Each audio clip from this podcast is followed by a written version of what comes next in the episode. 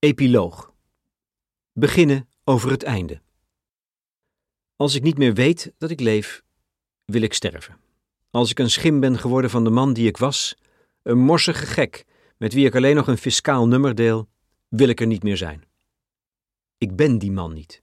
Ik ben hem nooit geweest. En ik wil hem ook niet worden. Daarom vraag ik mijn dokter mijn leven te beëindigen als het zover komt, niet eerder. Niet als ik nog om euthanasie kan vragen, maar pas wanneer ik dat niet meer kan. Niet voordat ik wils onbekwaam word, maar omdat ik mijn verstand verlies. Eigenlijk, zeg ik tegen mijn huisarts, die middag in maart waarmee ik dit boek begon, wil ik pas dood als ik niet meer leef. Ze kijkt me aan, niet meewarig, eerder geamuseerd. U weet toch? Ja, zeg ik, ik weet dat dat niet kan. Dit heeft mijn huisarts vast niet eerder aan de hand gehad. Je moet het samen doen, zeg ik. Samen? De patiënt, zijn lief en de arts. Vanaf het begin, vanaf de diagnose, vanaf die wilsverklaring. Dat moet ik uitleggen. Ook aan mijzelf. Vooral aan mijzelf. Ik wil zo lang mogelijk leven, omdat ik het leven nu eenmaal niet laten kan. En dementie? Ik kijk daar niet rijkhalzend naar uit. Maar als het zo moet lopen, dan moet dat maar zo zijn. Ik voel er niets voor te vroeg uit het leven te stappen, als op tijd ook mogelijk is. Waar ligt de grens? Als mijn laatste leven uitloopt op een voor alle omstanders zichtbaar drama, op angst en verwarring, als mijn ellende ervan afspat, hoop ik dat een arts zal doen wat de euthanasiewet haar nu al toestaat. Dat zij je zal laten sterven.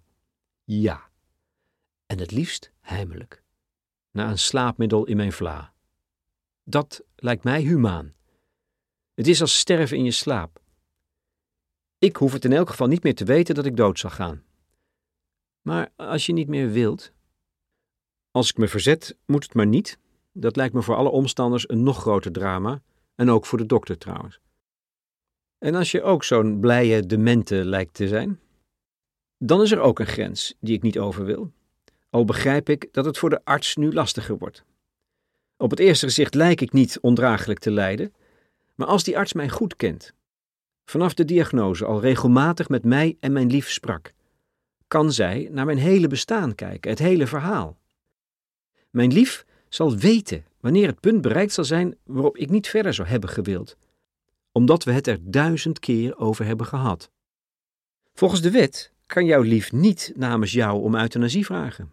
Dat staat zo in de wet, ja? Maar in de praktijk houden artsen bij euthanasie al wel vaak rekening met de familie. Bovendien geef ik mijn lief een volmacht. In mijn wilsverklaring wijs ik haar aan als mijn wettelijk vertegenwoordiger. Zij kan dan elke medische behandeling tegenhouden en dus besluiten mij op die manier te laten sterven. Met die passieve euthanasie voorkom je niet dat je te laat sterft. Nee. Daarom wil ik dat zij ook het moment kan bepalen waarop ik de man ben geworden die ik nooit wilde zijn. Alleen dat moment. Zou hij dit hebben gewild?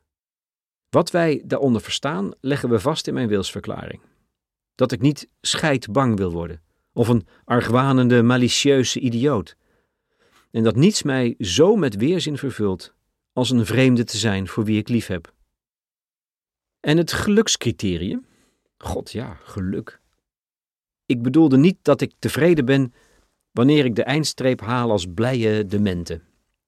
Zie het als kwaliteit van leven. Is het leven nog de moeite waard? Daarin spelen medische factoren een rol: pijn, stress, ongemak. Maar ook de beleving van wie ik altijd was en wilde zijn, het verhaal van mijn leven, zoals de ethicus Govert den Hartog het noemt. Wat zou ik hebben gedacht als ik mijzelf in dat verpleeghuis zou tegenkomen? Het zal geleidelijk gaan, zoals het in de zomer ochtends heel langzaam licht wordt. Ik vermoed dat je met dementie bijna ongemerkt van de ene in de andere staat terechtkomt, zoals je het buitenland inrijdt.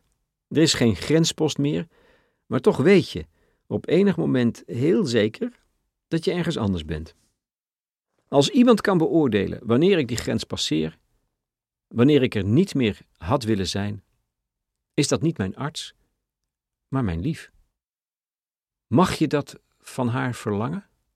Ik moet het haar vragen. Niemand sterft alleen, toch? Toen ik aftakelde, zorgde zij ook al voor me. Ze hielp me met alles wat ik vergat of niet meer kon. Zoals Jannie van Loo deed voor Joop en Kea Vogelberg voor Hans. Zo gaat het heel vaak bij dementie. Je partner of een andere achterblijver neemt sowieso je leven over. Daar kun je toch niet aan voorbij gaan. Mij lijkt het een mooi einde, als je je laatste leven in handen van een ander hebt gelegd. Die laatste beslissing. Een daad van liefde zal het zijn. Je zei eerder dat ook haar geluk een rol mocht spelen. Dat vond ik vanzelfsprekend. Het leek mij naargeestig als het geluk van mijn lief er niet toe doet wanneer ze mij helpt sterven.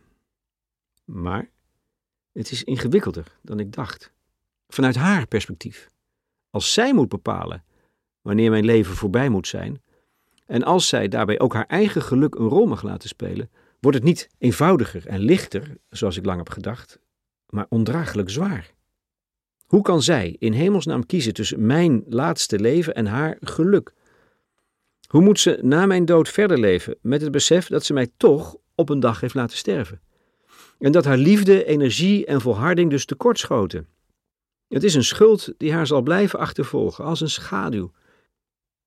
Nu pas, op deze laatste pagina's, begin ik deze stuurse paradox te begrijpen. Door verkrampt vast te houden aan het idee dat mijn dood niet van mij is. Dat mijn achterblijvers er meer last van hebben dan ik.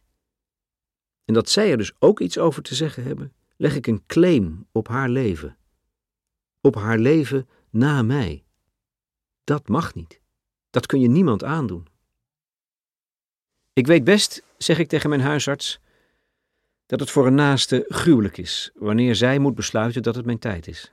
Zwaarder dan toen ze haar dementerende partner liet opnemen in een verpleeghuis waar hij nooit meer levend uit zou komen. Hoe gaat het verder? vraagt mijn huisarts.